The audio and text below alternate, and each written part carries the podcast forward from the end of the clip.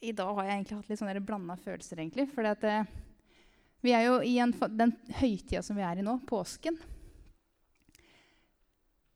Så er jo det noe av det største vi kan feire eh, for oss som er troende. Vi har liksom hele pakka i påskebudskapet fra Jesus begynte eh, å gå til Golgata, da han hang på korset, da han døde på korset, og da de som det har blitt sagt her, finner graven tom. Eh, og eh, det jeg føler jeg skal gjøre i dag Jeg tror de fleste har sikkert hørt det budskapet mange ganger. Så jeg føler at i dag så skal vi sammen minnes det som Jesus har gjort. Eh, så jeg kommer til å lese egentlig ganske mye fra Bibelen. For jeg tror Bibelen taler mye for seg sjøl. Så jeg kommer til å lese en del.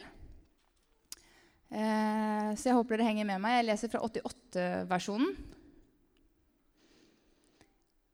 Og så tror jeg at vi sammen kan få lov å se, altså bli med i den reisen her da, og se, minnes og igjen bare få lov å se det Jesus har gjort for oss. For det, det er det største mirakelet som noen gang har skjedd i verdens historie. Eh, og vi som sitter her, er verdens heldigste mennesker som har fått lov å møte Frelseren, verdens frelser. Det er stort.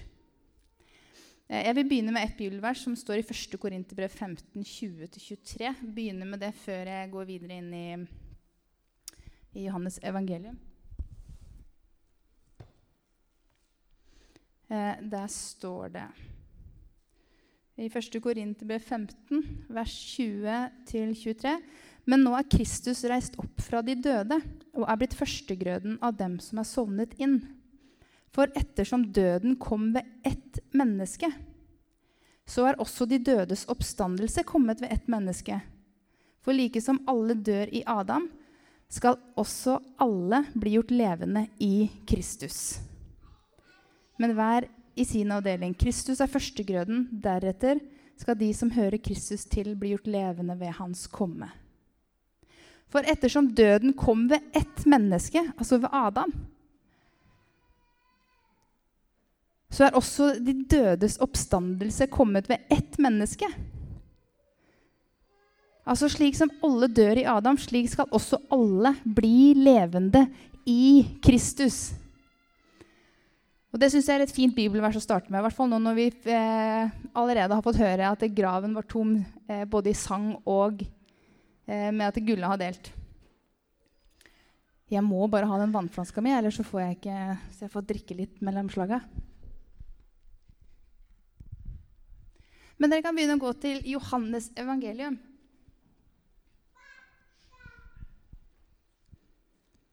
Johannes evangelium og kapittel 18.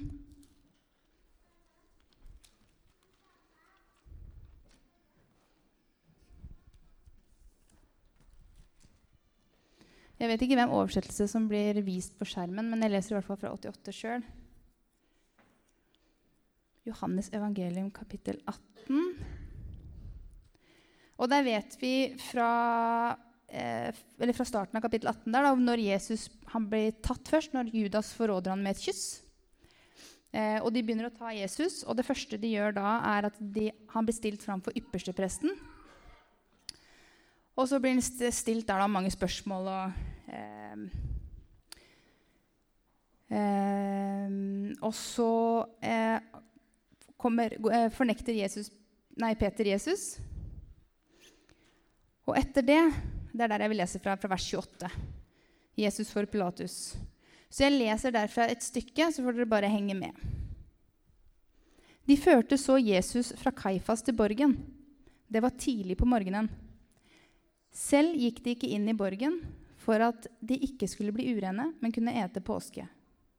Pilatus gikk da ut til dem og sa, 'Hva slags anklage fører dere mot denne mann?' De svarte og sa til ham, 'Var han ikke en ugjerningsmann? Da hadde vi jo ikke overgitt ham til deg.' Pilatus sa da til dem, 'Ta ham, dere, og døm han etter deres lov.' Judeerne sa da til ham, 'Vi har jo ikke rett til å ta livet av noen.' Det var for at det ordet skulle bli oppfylt som Jesus hadde sagt da han ga til kjenne hva slags død han skulle dø. Pilatus gikk da inn i borgen igjen. Han kalte Jesus framfor seg og sa, Er du jødenes konge? Jesus svarte ham, Sier du det her om deg sjøl, av deg sjøl, eller har andre sagt deg dette om meg? Pilatus svarte, Jeg er jo vel ikke noe jøde. Det er ditt eget folk og yppersteprestene som har overgitt deg til meg. Hva har du gjort? Jesus svarte, Mitt rike er ikke av denne verden. Var mitt rike av denne verden, da hadde mine tjenere kjempet så jeg ikke skulle bli overgitt til judeerne. Men nå er mitt rike ikke av denne verden. Pilatus sa da til ham,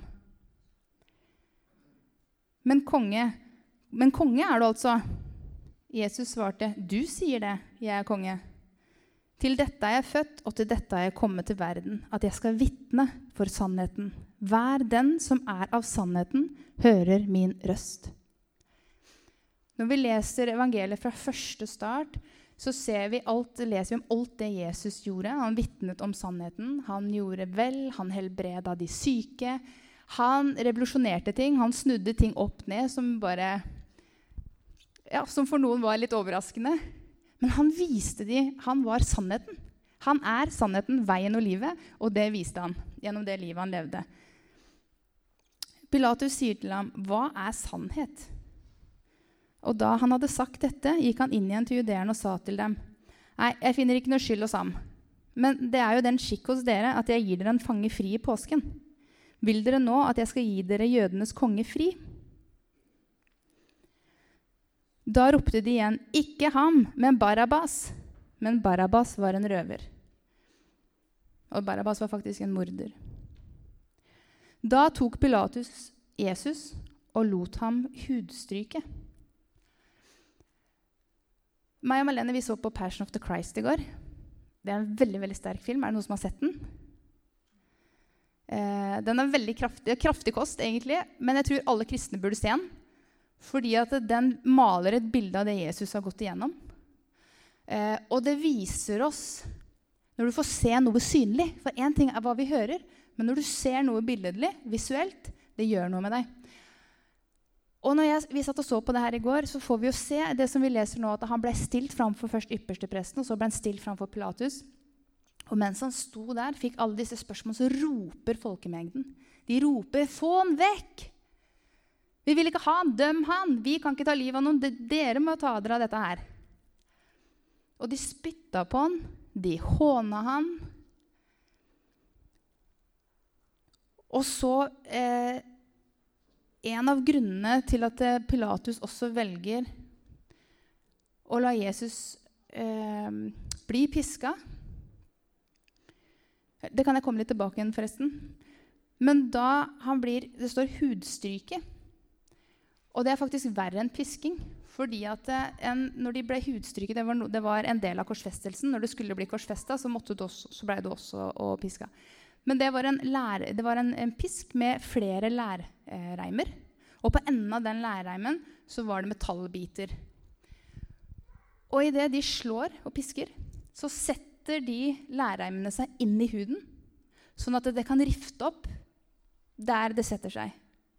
Så det var ikke bare det at ble pis, han ble piska. Men for hvert slag så kunne den sette seg fast i kroppen. Kan du tenke deg for en smerte? Og så står det eh, Eller det står ikke, jeg har vel hørt, jeg, har hørt at det var eh, 39 piskeslag. Er det noen som kan bekrefte det som er bibeltroen her? Ja? Øystein nikker. 39 slag. Og for meg, det er eh, både når jeg så det på filmen også, jo, når man tenker på evangeliet Når vi hører at Jesus døde for vår skyld, så var det her så kraftfullt.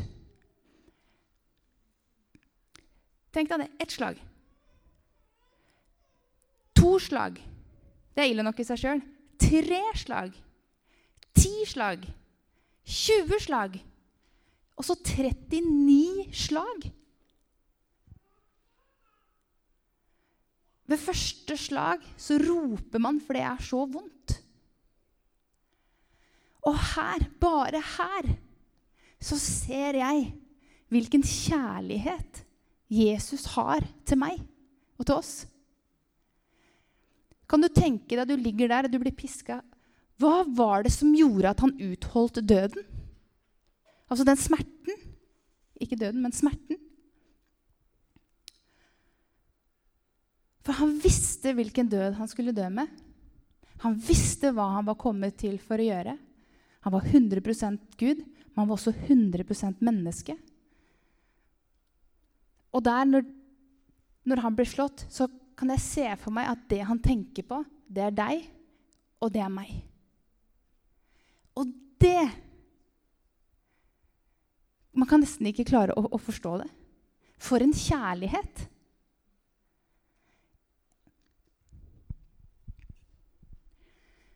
Jeg leser videre. Og soldatene flettet en krone av torner som de satte på hodet hans. Og de tornene de var ganske lange, de var ganske spisse. Hvis du studerer hva slags eh, type tornekrone åssen den ble laga. Den pressa de ned på hodet hans. Og de hengte en purpurkappe om ham. Så trådte de fram for ham og sa, 'Vær hilset, du jødenes konge.' Og så slo de ham i ansiktet. Pilatus gikk da ut igjen og sa til dem, 'Se, jeg fører ham ut til dere, for at dere skal vite at jeg ikke finner noen skyld hos ham.' Jesus kom da ut og bar tornekronen og purpurkappen, og Pilatus sa til dem, 'Se det mennesket.' Kan dere tenke dere åssen han så ut da? Det står et sted at han var ikke til å se til.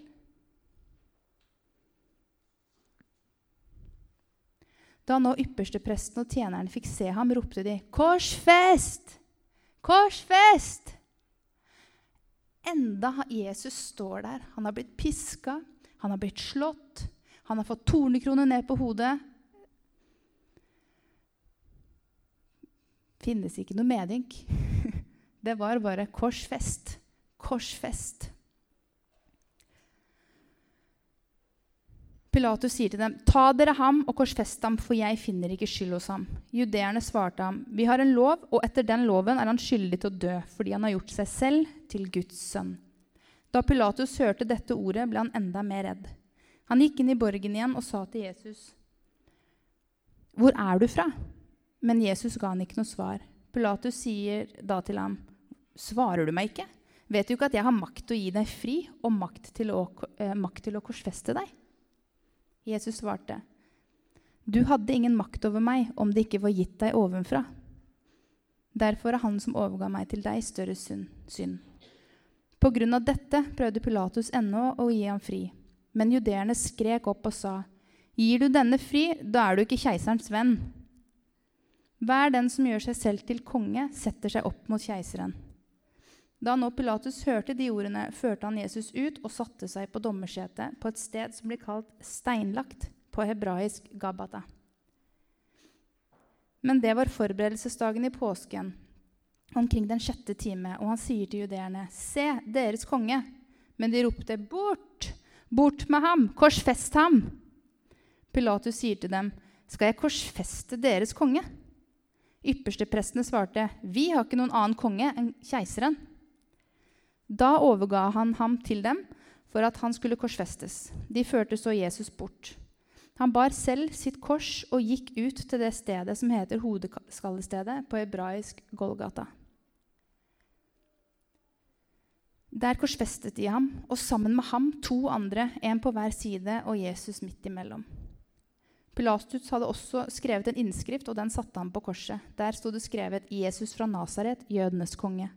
Denne innskriften leste da mange av jødene, for stedet der Jesus ble korsfestet, lå nær byen.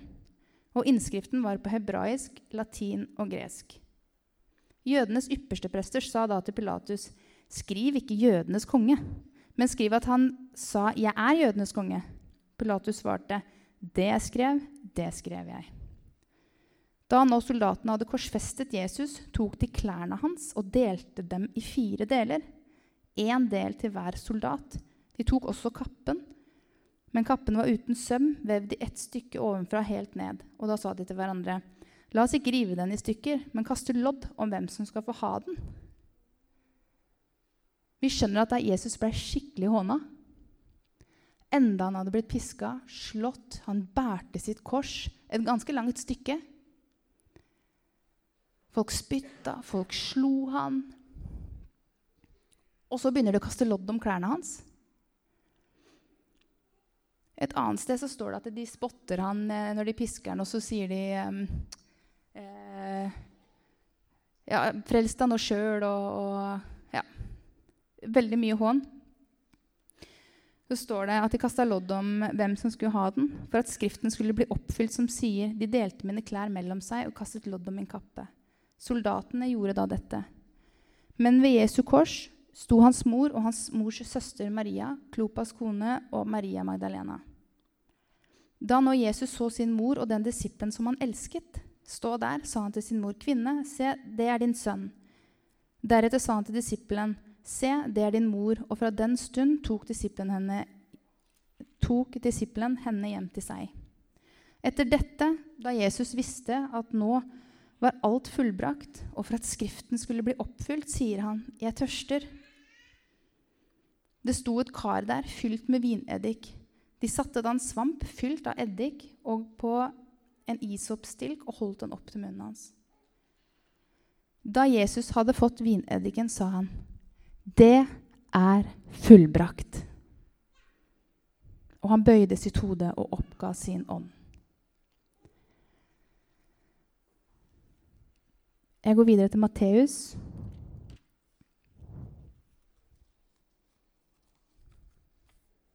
Kapittel 27. Og så spoler vi bare litt tilbake igjen, rett før Jesus dør. For Jeg ville ha med det som han sier i Johannes, for når han sier 'det er fullbrakt', så betyr det 'det er ferdig'. Idet han døde, så sa han 'det er fullbrakt'. Det er ferdig! Hva var det som var ferdig? Hva er det som var fullbrakt? Når jeg leser Bibelen fra første Mosebok til åpenbaringen, så ser jeg at alt handler om Jesus. Det handler jo om Gud, Fader, og det handler jo om Den hellige ånd. Det handler om mange ting. Det er mange ting i Bibelen. Men jeg ser igjennom blodsofringen, loven, eh, alt de måtte gjøre. Vi, ser, vi kan begynne fra første start, fra Adam og Eva. Hvor Gud pga. sin kjærlighet, fordi han har en ren Han er kjærlighet, så måtte han gi mennesket muligheten til å velge selv. Så han satte treet i hagen, kunnskapen om godt og vondt, og sa Spis av hvert tre i hagen, men ikke av det. Det er jo ikke noe fri vilje hvis ikke jeg velger Altså, jeg velger jo å elske og være glad i Emilie.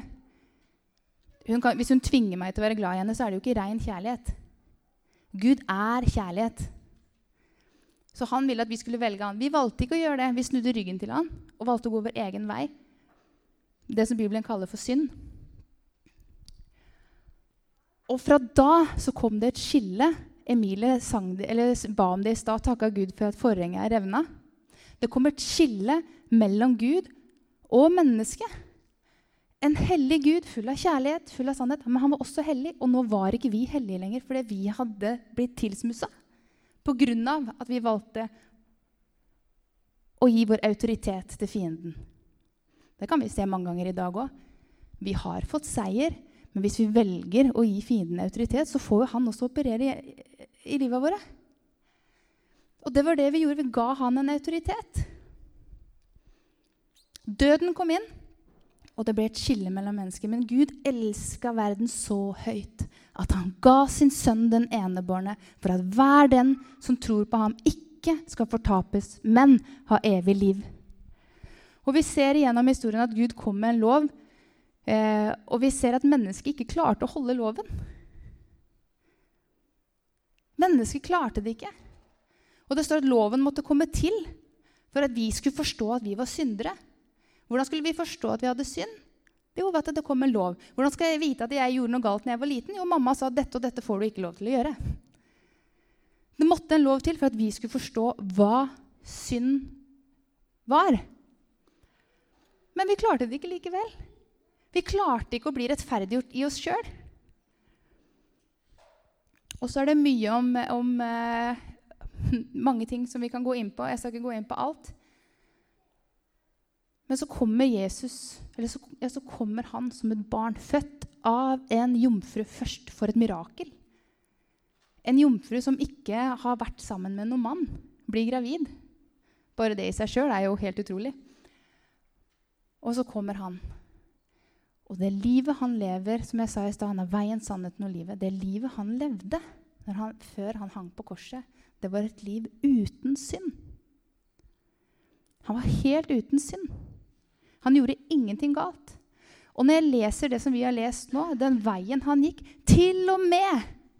Det står i, det står i um, Jeg lurer på om det er Matteus, ja, når, når um, Judas kommer og forråder han med et kyss. Så hogger jo Peter av øret på soldatene. ikke sant? Han griper til sverdet. Det hadde sikkert jeg gjort òg. Hei, ikke ta han! Ikke ta han som er vår mester. Men han hogg av øret på han, og så sier Jesus etterpå så sier han, Kunne ikke jeg bedt Faderen om tolv legion engler for å føre han ut ifra det? Jesus var 100% menneske, 100% Gud, så han hadde makt til å gjøre det. Men han gjorde det ikke, for han visste hvem vei han skulle gå for deg og meg. Og når han lå der når han ble piska Han kunne sagt stopp. I den smerten. Han kunne sagt 'Nå orker jeg ikke mer'. Men han gjorde ikke det. Han kunne sagt noe feil, men han gjorde ikke det. Det står flere steder han sa ingenting. Han tidde.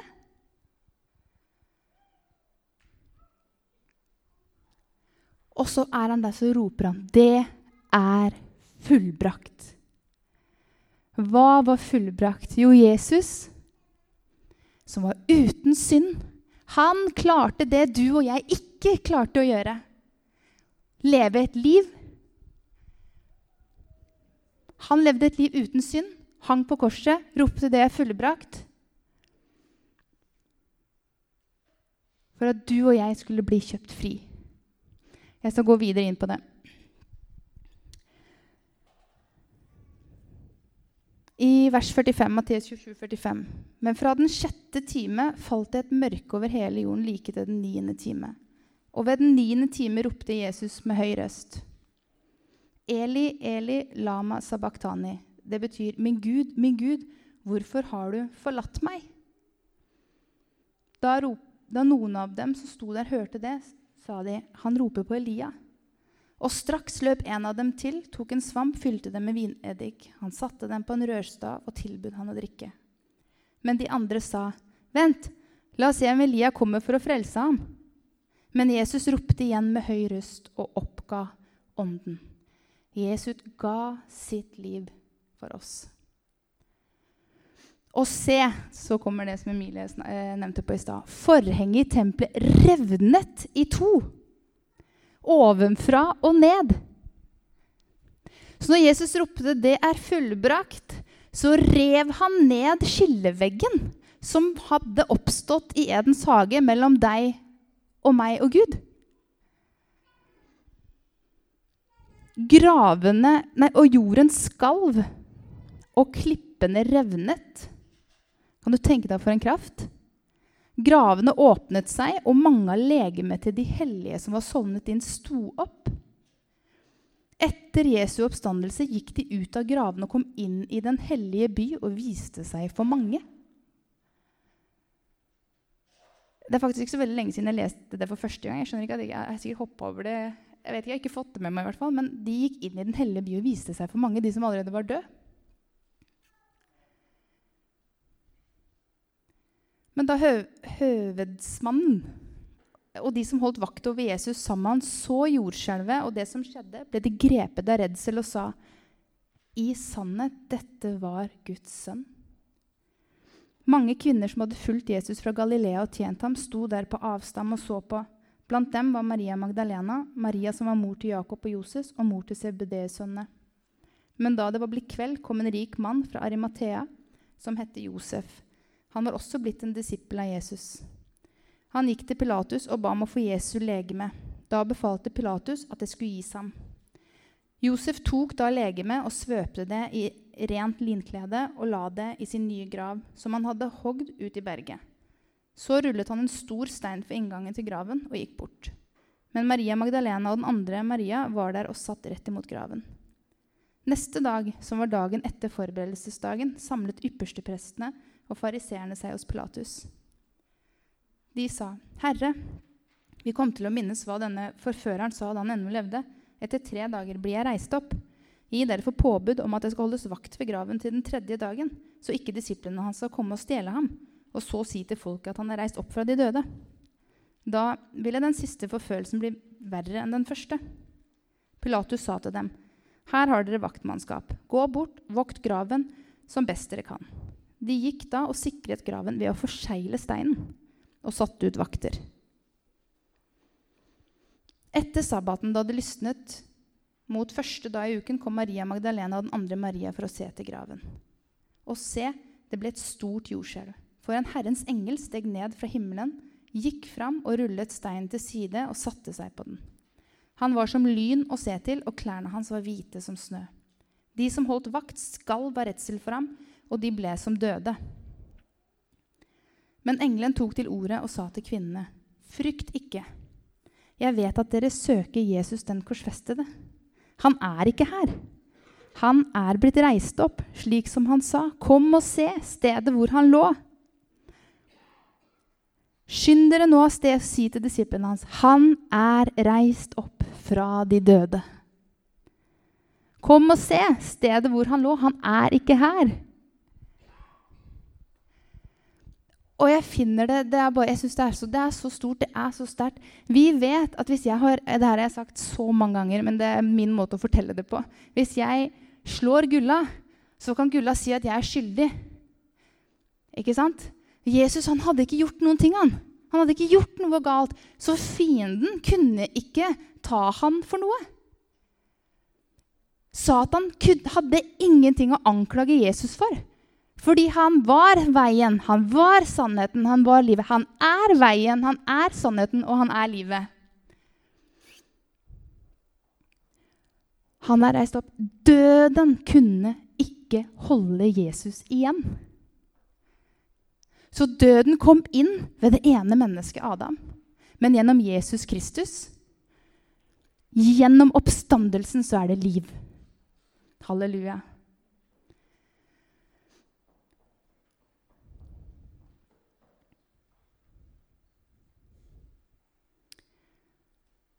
Og så eh, står det å se. Han går i forveien for dere til Galilea. Da skal dere se ham.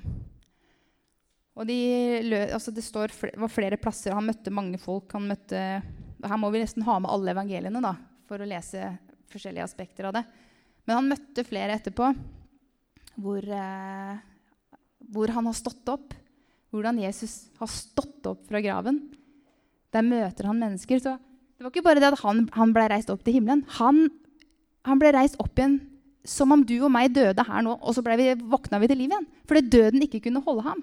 Og så valgte han sjøl å reise videre, for han sa at det er til gagn for dere at jeg går bort, så dere kan få Den hellige ånd.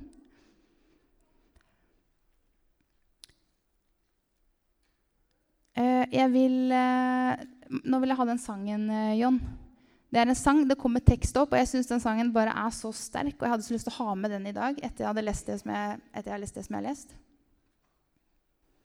Amen.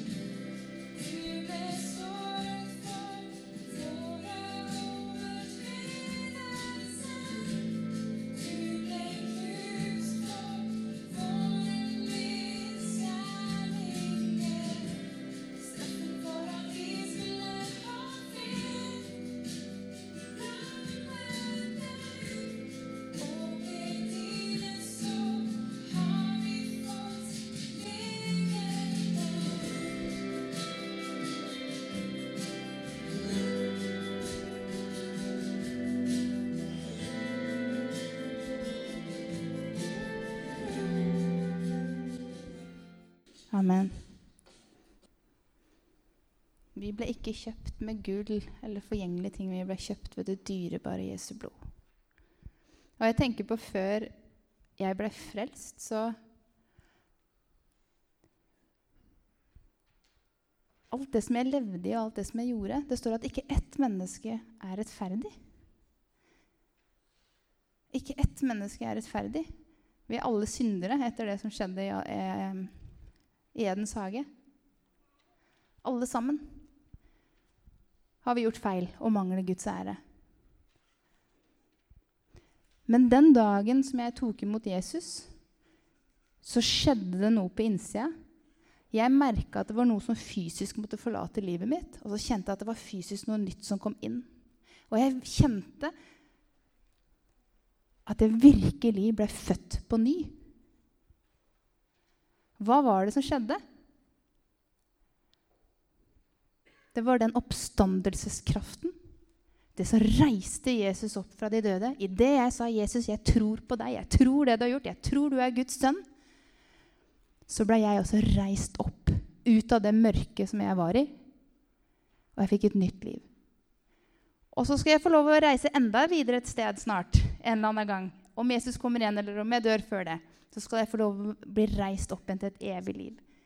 Du og jeg som har tatt imot Jesus, tenk på det. Vi har evig liv. Det er nesten litt sånn derre Hæ? Vi har evig liv! Jeg satt og tenkte på det her tidligere i dag. Jeg har jo ingenting å frykte, jeg. Hva har jeg å frykte? Frykten er, den er tatt, den. Frykten ble, den ble hengt på korset, den. Frykten for døden ble hengt på korset. Frykten for alle andre ting. Frykten Jeg, Jeg trenger ikke lenger frykte. Jeg har fått en evig forløser, Jesus Kristus, som har vunnet seier over alt dette her. Paulus sa at døden, døden, er en vinning.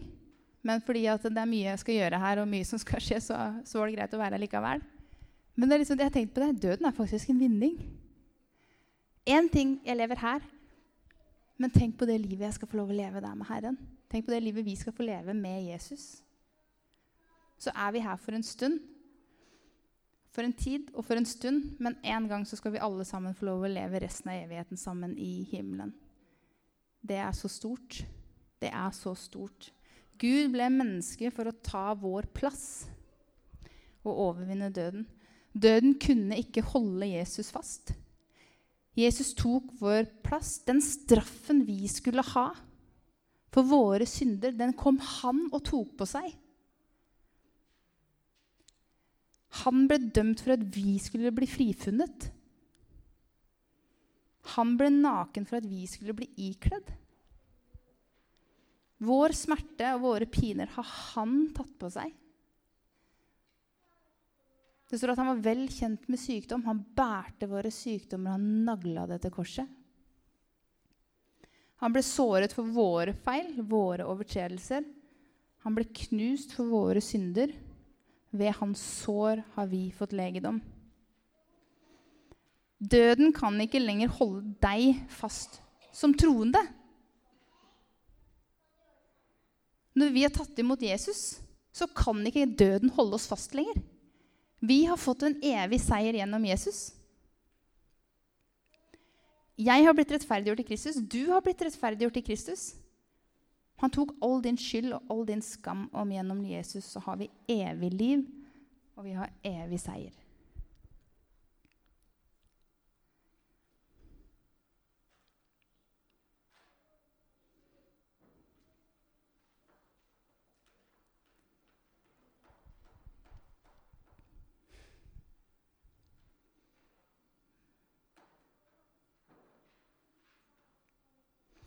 Det er det største som kunne skje i hele verdens historie, at Jesus kom og tok vår plass.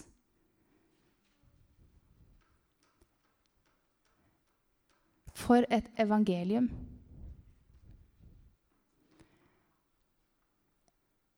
Evangelium betyr gode nyheter. Og det er gode nyheter. De gode nyhetene i dag det er at Gud ønsker ikke at noe menneske skal gå fortapt, men ha evig liv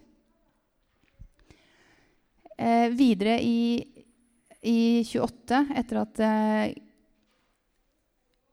eh, Jesus kom i møte, altså møtte de etter graven, så sier Jesus til de frykt ikke, gå og si til mine brødre at de skal dra til Galilea. Der skal de se meg. Mens de ennå var på veien, se, da kom noen av vaktstyrken inn til byen og meldte fra til ypperstepresten om alt det som var skjedd.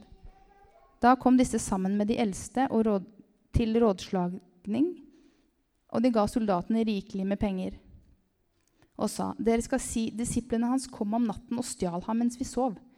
Og, det skulle, komme, og skulle det komme landshøvdingen for øre, skal vi tale vel med ham, så dere kan være trygge. De tok imot pengene og gjorde som de fikk beskjed om. Og dette ryktet ble spredt blant jødene og, og har holdt seg til denne dag. Men de elleve disiplene gjorde som Jesus hadde sagt. De dro til Galilea, til fjellet hvor Jesus hadde satt dem stevne. Satt dem stevne. Ja. Og da de fikk se ham, falt de ned og tilba ham. Men noen tvilte, og Jesus trådte fram. Talte til dem og sa, Meg er gitt all makt i himmel og på jord. Han har vunnet all makt i himmel og på jord etter det han gjorde på korset. Når han triumferte på korset. Han avvæpnet maktene og myndighetene og tok fra Satan den autoriteten han hadde over mennesket. Men du og meg må ta imot. Hva er kriteriet i dag? Det er du og meg, sier Jesus. Jeg tror og vil ta imot det du har gjort for meg. Og idet vi tar imot Jesus, da flytter Den hellige ånd, Guds egen ånd, inn i våre liv. Så reiser han også oss opp, som jeg sa i stad, til et nytt liv. Det er jo derfor vi døper oss. Vi dør med Kristus og reises opp igjen med Kristus. Han har gitt all makt i himmel og på jord. Så sier han, gå derfor ut og gjør alle folkeslag til disipler idet dere døper dem til Faderen, Sønnen og Den hellige ånds navn, og lærer dem å holde alt det jeg har befalt dere. Og se, jeg er med dere alle dager inntil verdens ende.